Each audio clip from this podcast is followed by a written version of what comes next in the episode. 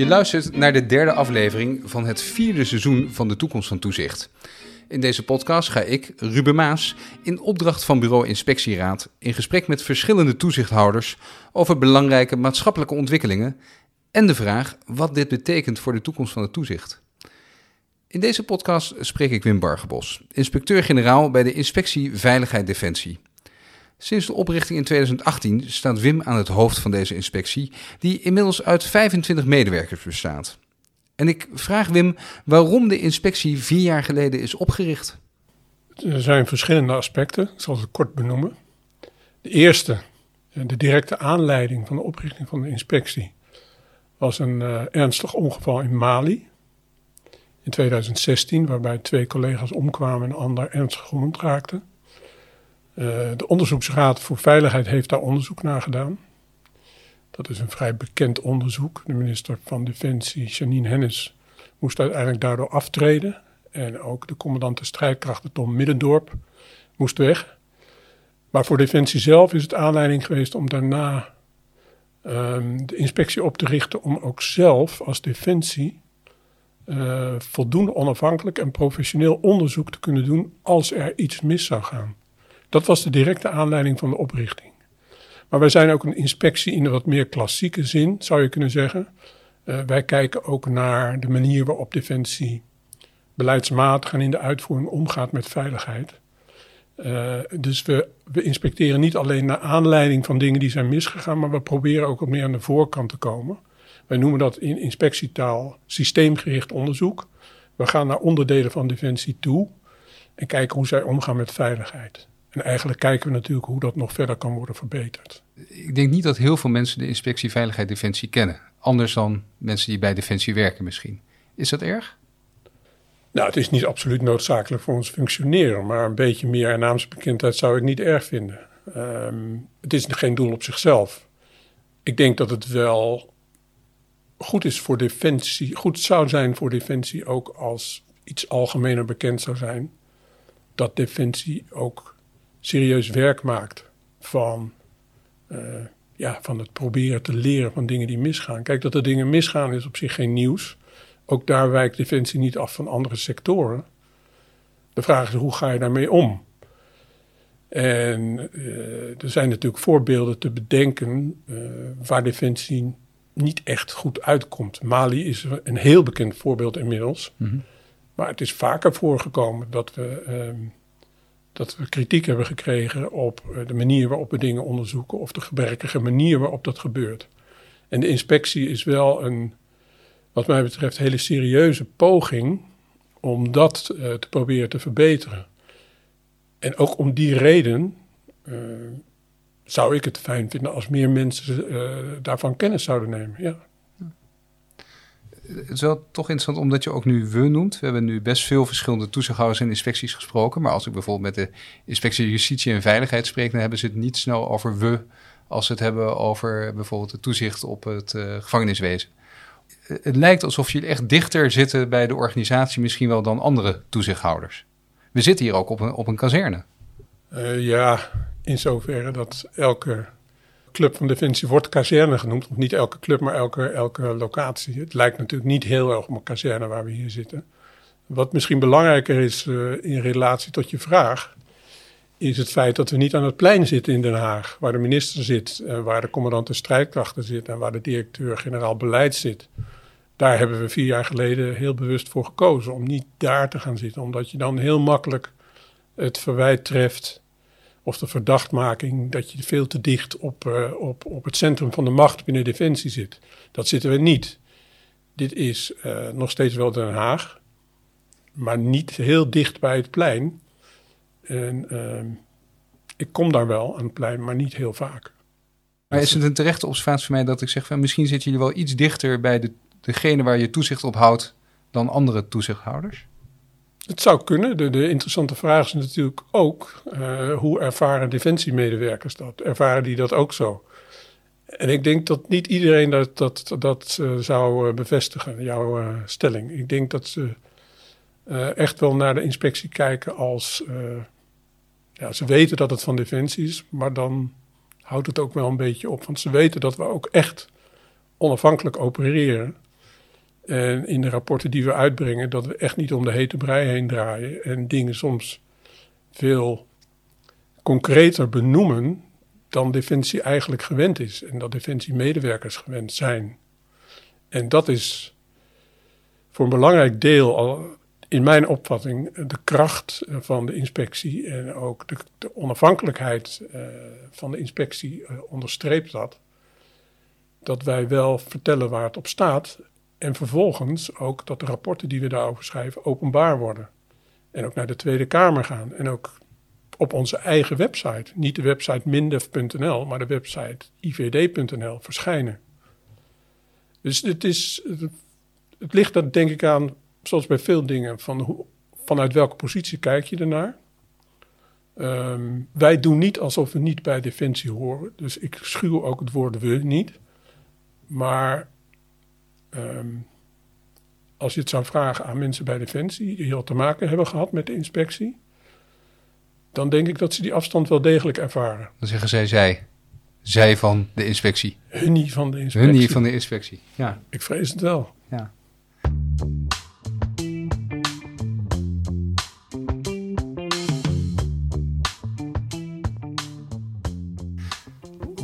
Is het om toezicht te houden op een organisatie die eigenlijk, denk ik, best als belangrijk kenmerk toch ook beslotenheid heeft? Juist wel leren. Ik bedoel, de Defensie is ook een lerende organisatie, maar wel met elkaar, onder elkaar. Niet te veel naar buiten brengen. Terwijl jullie werk is dingen zichtbaar maken, benoemen. Ja. ja, dat is een deel van onze uitdaging, zonder meer. Um, uitdaging vind ik altijd een mooi woord. Ja, ik ook. Dus dat, is... Nee, het is een uitdaging in de zin van een opdracht. Uh, maar ook zin in de uitdaging dat het niet vanzelf gaat. Zo bedoel ik. Het gaat niet vanzelf, omdat, zoals je inderdaad uh, terecht opmerkt, Defensie is in in, door de aard van het werk uh, wat Defensie doet, niet de meest open organisatie, overheidsorganisatie die je kunt bedenken. Dit, dit, zeg je heel voorzichtig. Nou, het is voor een deel natuurlijk functioneel bepaald. Door het werk wat Defensie doet, het omgaan met geweld, het daarop voorbereiden. Dat ga je niet elke dag aan de grote klok hangen, want dan bevorder je eerder de onveiligheid dan de veiligheid. Dat is waar. Maar tegelijkertijd, hoe je het ook went of keert, Defensie is en blijft een overheidsorganisatie die verantwoording moet afleggen uh, over uh, wat zij presteert en hoe zij dat doet. Vooral ook om, ja, om vertrouwen, het vertrouwen op peil te houden, te bevorderen zelfs zou ik zeggen. Maar ook, nou ja, nogmaals, dat hoort bij elke overheidsorganisatie daar is toch iets bijzonders, denk ik. Als je kijkt naar, we hadden net al, er is een speciaal inspectie voor Defensie. Dat heeft ook te maken toch met het bijzondere karakter ook van Defensie. Ja.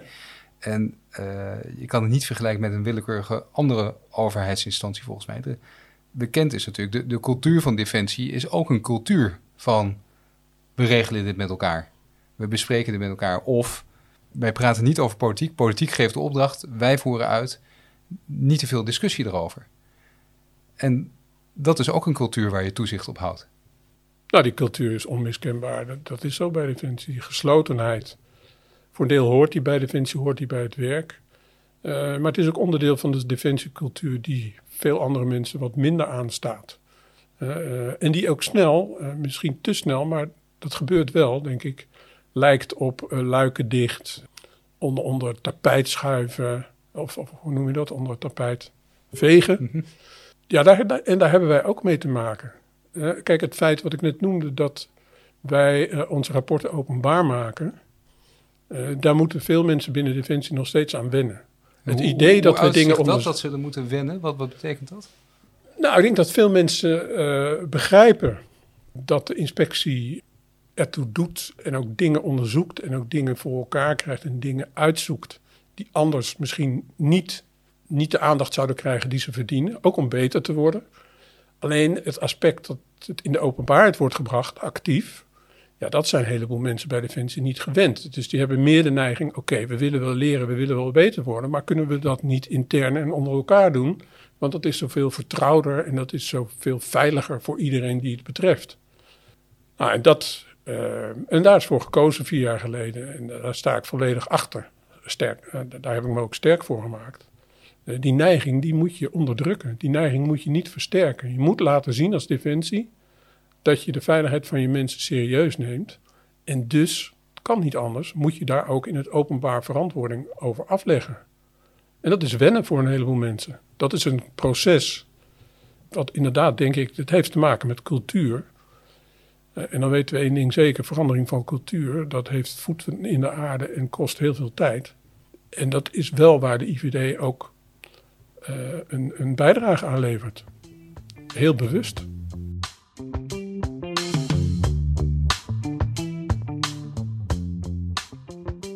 Ja, dus ik merkte net ook al op, je spreekt van we, dus je bent van Defensie.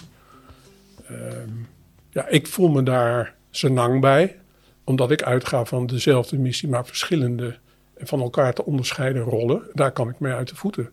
Maar ik besef heel goed dat het beeld snel, misschien al te snel kan ontstaan, dat je toch bij elkaar zit en dat dat niet onafhankelijk genoeg is. En dus het effect wat wij proberen te bereiken door in gesprek te gaan over onze bevindingen en onze aanbevelingen, doen wij nadat het rapport is vastgesteld uh, en al naar de, naar de minister is. Ik bied dat dan aan de minister aan. En dan verandert het dus echt letterlijk geen komma meer aan het rapport. Nou, dan kunnen we in alle vrijheid praten en kunnen andere mensen ook zeggen wat ze vinden. Dat, dan, dan, ja, je zou kunnen zeggen, dan doet het er in zoverre niet toe dat het rapport en de boodschap die de inspectie wil uitdragen, die staat vast. Als ik je zo beluister, heb ik de indruk dat meer dan bij andere inspecties jullie echt ook gericht zijn echt op het leren van de eigen organisatie. Ik bedoel, bij sommige andere inspecties zit er natuurlijk een soort verantwoording. Zit ook uh, wel degelijk ook echt verantwoordelijkheid aangevend. Uh, soms ook maatschappelijke onrust indammend. Terwijl eigenlijk in heel veel dingen die je zegt gaat toch eigenlijk uiteindelijk van ja, bijna een soort collegiaal lerend, scherp, vanaf onafhankelijkheid. Zeg van hoe kunnen we verbeteren met elkaar? Door even een blik van buiten erbij te halen.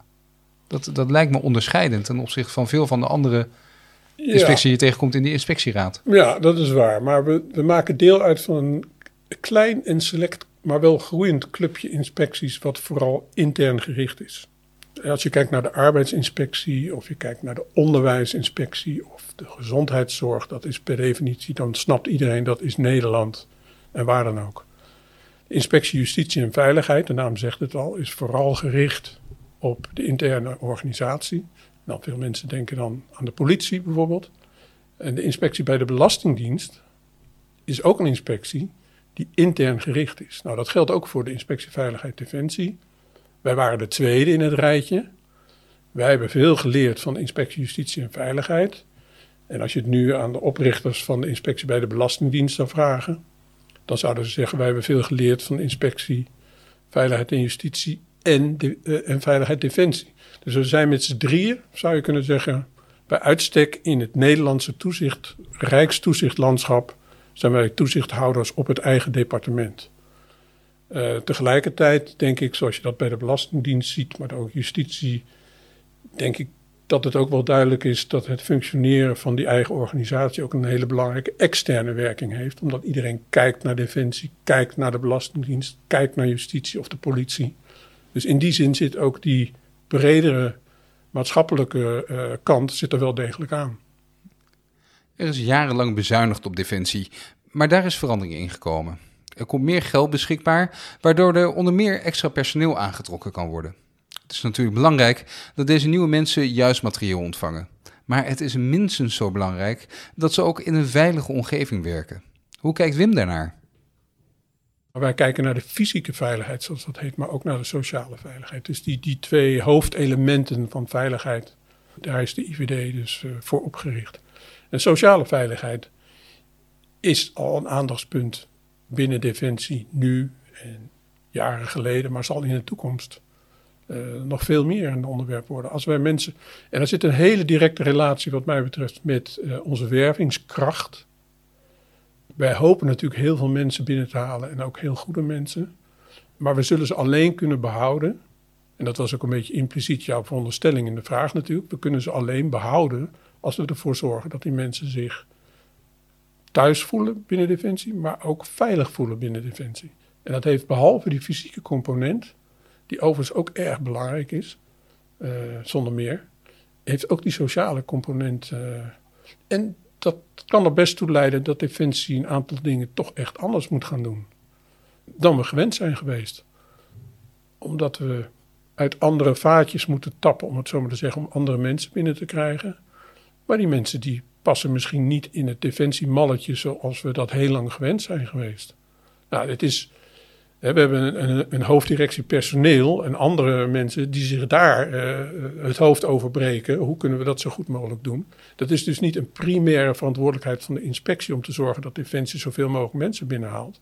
Maar wel in het nadenken daarover af en toe wel daar de aandacht voor vragen. Zeker. Nog los van als zich problemen voordoen in werkelijkheid, kan de inspectie kan daar ook naar kijken. Moet daar ook naar kijken. En, en om in jouw woorden te zeggen, de, ik, ik, kan mij voorstellen de uitdaging voor een onderzoeksrapport over de sociale kant misschien nog soms lastiger ligt dan aan de materiële kant. materiaal is, dat kan je aantonen, kan je beetpakken. Die sociale kant, dat is natuurlijk juist ook binnen een, een organisatie als Defensie eh, misschien wel veel gevoeliger. Ja. Ja, ik denk dat je daar gelijk in hebt. Overigens veronderstel ik dat Defensie daar geen uitzondering is. Maar ik denk dat in de regel dat fysieke, je zou kunnen zeggen, fysieke dingen zijn per definitie grijpbaarder dan sociale en niet-fysieke dingen. Ik denk dat dat heel erg waar is.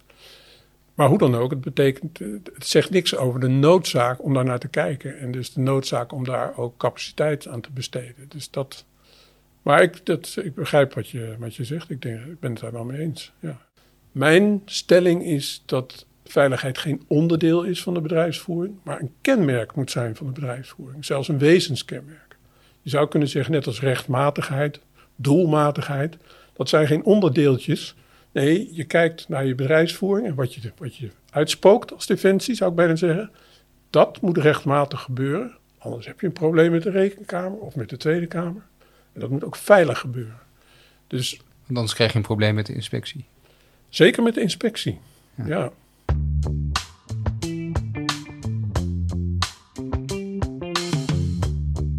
Waar ik ook wel eens aan denk, we hebben, we hebben Defensie is vrij goed in slogans. En één daarvan, uh, die tot op het hoogste niveau wordt gehanteerd, is Defensie beschermt wat ons dierbaar is. En dat is een prachtige slogan, want dat gaat over Nederland in de wereld Nederland in Europa. En zeker nu uh, Poetin uh, onderneemt wat hij onderneemt, wordt dat voor iedereen ineens heel tastbaar wat dat betekent. Maar je kunt er ook net iets anders naar kijken. Als je kijkt naar Defensie beschermt wat ons dierbaar is, uh, dat is ook het eigen personeel. Het eigen personeel zou defensie dierbaar moeten zijn. En dat is, dat is hoe wij als inspectie Veiligheid Defensie daarnaar kijken. Wim sprak er eerder over dat hij het als een taak van de inspectie ziet om een cultuurverandering teweeg te brengen bij Defensie. Dat is een grote taak voor een inspectie die uit 25 medewerkers bestaat. Zou hij zelf niet met meer mensen bij de inspectie willen werken? We willen effect bereiken. Uh, de interessante vraag is, hele interessante vraag is, hoe doe je dat nou? Uh, je zou effect bereiken ook net anders kunnen duiden. Je wilt de organisatie en de mensen in de organisatie beïnvloeden. Je wilt ze in beweging krijgen. Nou, en ook dat, dat is, je zou bijna denken aan gedragsdeskundigen. Dat is ook iets waar ik, waar ik wel aan denk, waar ik wel over nadenk. Kijk, het is te makkelijk om als inspectie te redeneren: ik lever een prima rapport af. En dan moet die organisatie maar lekker uitzoeken wat ze ermee doet. Maar ik kan altijd zeggen: ik had een goed rapport en ik hoop dat het effect heeft. Nee, ik denk dat we steeds onszelf ook moeten afvragen als inspectie. Als we ons onderzoekswerk goed doen en we leveren iets op wat ertoe doet, hoe krijgen we dat over de bühne bij de mensen waarvan we graag beweging willen zien, ontwikkeling willen zien? En dan uh, beïnvloeden heeft, heeft soms een negatieve bijklank, zo bedoel ik het absoluut niet. Maar je moet op zoek naar uh, wat brengt mensen in beweging. Nou, en dat, daar kun je lang over nadenken, lang over praten en dat doen we ook. Maar als het over uitbreiding gaat, om terug te komen op je vraag, dan zou ik daar, dat aspect, zou ik graag wel wat meer kennis en ervaring binnenboord halen.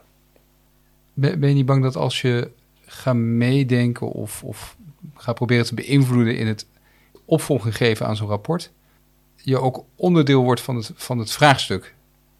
Want je, juist een van de redenen waarom sommigen natuurlijk zeggen: dit is een rapport en daar doe ik een stap achteruit, is om die onafhankelijkheid te behouden. Want zodra je meedenkt, zegt ze iemand: ja, je hebt het zelf geadviseerd. Daar moet je inderdaad voor oppassen. Dat is ook niet wat ik bedoel. Maar het is een heel terecht punt. En het is, voor elke inspectie is het een belangrijk aandachtspunt. Een van de uitgangspunten van de meeste inspecties, zal ik maar zeggen, is dat je, uh, je, je doet uitlatingen, je doet adviezen, is al een, een moeilijk woord in toezichtland, aanbevelingen uh, over het wat. Het hoe. Hoe men dat doet, dat is aan de organisatie zelf. Nou, als je je afvraagt hoe kan ik effect bereiken, dan bedoel ik dat je duidelijker maakt wat je wilt, maar dat hoe de organisatie dat uitvoert, dat je dat nog steeds bij de organisatie laat. Dus het is geen invuloefening. Het is meer de vraag, de inzichten die ons onderzoek uh, heeft opgeleverd, hoe brengen we die zo goed mogelijk over aan de organisatie? In de veronderstelling dat hoe duidelijker het is, hoe meer men er ook mee doet. En hoe men dat doet, dat is inderdaad, daar moet je als, inspectie ver van blijven. Anders dan heb je gelijk. Dan de volgende keer als je komt controleren, ben je je eigen oplossing aan het toezicht houden op je eigen oplossing. En dat, uh, dus dat hoe en wat, ik hoop dat ik daar duidelijk genoeg in ben, of het wat en hoe eigenlijk. Wij zien wat er niet goed gaat en wat er eventueel beter zou kunnen. En dat proberen we ook in algemene bewoordingen te stellen. Een van de uitgangspunten, wat mij betreft vrij hard, is ook dat wij slechts enkele aanbevelingen per rapport doen. Uh, bij ons zul je nooit een rapport tegenkomen met 28 aanbevelingen. Het zijn er twee, drie. Ja, en vervolgens uh, is het aan de organisatie. Nou, wat je dat in directe zin zie je dat aan de. Nee, laat ik het even anders zeggen. Ik bied een, een rapport aan aan de minister. De minister biedt het rapport vervolgens aan de Tweede Kamer aan. De minister verandert niks aan het rapport. Geen komma. Geen, wat de minister wel kan doen, en bij ons gebeurt dat ook altijd, die schrijft of laat een beleidsreactie schrijven waarin zij zegt wat zij met de aanbeveling van de inspectie doet. Nou, die wordt gelijktijdig met het rapport, dat wordt in één uh, pakketje naar de Tweede Kamer gestuurd. Zoals ik zei, wij uh, uh, publiceren dat op onze eigen website. en daaruit kun je dus eigenlijk opmaken wat Defensie doet met de inzichten van, uh, van de inspectie. Wat ik maar wil zeggen is, als je het inspectierapport leest, dan zie je wat. En als je de beleidsreactie leest, dan zie je al veel meer het hoe. En dat ligt echt bij de minister en de organisatie aan het plein of in het land. En niet meer aan de inspectie. En zit er in de werkwijze van deze jonge inspectie iets dat interessant of behulpzaam is voor de andere inspecties? We, vallen allemaal onder nu nog de aanwijzingen in zaken de Rijksinspecties. Dat zijn aanwijzingen van de minister-president aan de minister, aan, aan, zijn ministers. En die uh, waarborgen eigenlijk onze onafhankelijkheid. Dat is eigenlijk het doel van die aanbevelingen. Die bestaan sinds 2016. En inmiddels is er een proces op gang gekomen om die aanwijzingen in een wet vast te leggen. Dat staat ook in het regeerakkoord, dus die wet komt er vast. En de bedoeling daarvan is om nog nadrukkelijker die positie van de inspecties vast te leggen. Nou, wij zijn een van de laatste van de, van de nieuwkomers. En je ziet in de afspraken die wij binnen Defensie hebben gemaakt, dat die, uh, die zitten aan de voorkant van die ontwikkeling. En dat komt, uh, laten we niet mooier maken dan het is, omdat wij nieuw zijn en we hebben goed kunnen kijken, ikzelf ook, naar wat is er zo al geregeld en hoe moeten we dat doen. Bij Defensie vond ik in 2017, 2018, was het vooral zaak te zorgen dat we het deden zoals het in het Rijk werd gedaan en niet, ik zou bijna zeggen voor de zoveelste keer, een specifieke defensieregeling werd gemaakt over toezicht. Want ik wist, dacht zeker te weten, dat denk ik nog steeds, dat het niet overtuigend is uh, in de Tweede Kamer en daarbuiten. Uh. Dus ik denk als andere inspecties naar ons kijken, ze kijken naar onze formele uh, grondslag, dat ze daar soms misschien wel met een beetje jaloezie naar kijken als het gaat zoals wij graag willen, dan hebben we binnen enkele jaren een wet en is dat gelijk getrokken. Dat geldt voor alle rijksinspecties. Maar nu zie je nog wel verschillen die simpelweg te maken hebben met de wordingsgeschiedenis van inspecties. Staatstoezicht op de mijnen, de oudste is uit 1810, heeft echt andere dingen eh, in de formele regeling staan dan de inspectie Veiligheid Defensie uit 2018. Dat kan ook niet anders. Maar ik denk dat wij daar aan de voorkant zitten. Dat we een paar dingen wel goed hebben gedaan. Ik noemde al, we zitten niet op het ministerie, we zitten daar buiten. Ik ben geen lid van de bestuursraad, wat het hoogste ambtelijke gremium is binnen Defensie. Want veel mensen vinden dat ja, dat is elkaar beïnvloeden. Nou, dat hebben we gewoon niet gedaan. We hebben een eigen woordvoerder, dus we maken geen gebruik van de woordvoeringsafdeling van het ministerie van Defensie. We hebben een eigen jurist, dus we maken geen gebruik van de directie juridische zaken aan het plein. Kortom, allemaal elementen, ingrediënten die als je het beeld op je laat inwerken uh, van belang zijn. Je luisterde naar De Toekomst van Toezicht, waar ik, Ruben Maas, in gesprek ga met verschillende toezichthouders over hun uitdagingen en dilemma's. Deze aflevering is onderdeel van een reeks die gemaakt wordt in opdracht van Bureau Inspectieraad. Je kan alle eerdere afleveringen, waaronder de pas verschenen jubileumpodcast ter viering van het 15-jarig bestaan van de Inspectieraad, beluisteren via je favoriete podcast-app. Ik ben ook altijd benieuwd of je vragen of opmerkingen hebt naar aanleiding van deze podcast. Die kan je mailen naar podcast.inspectieraad.nl.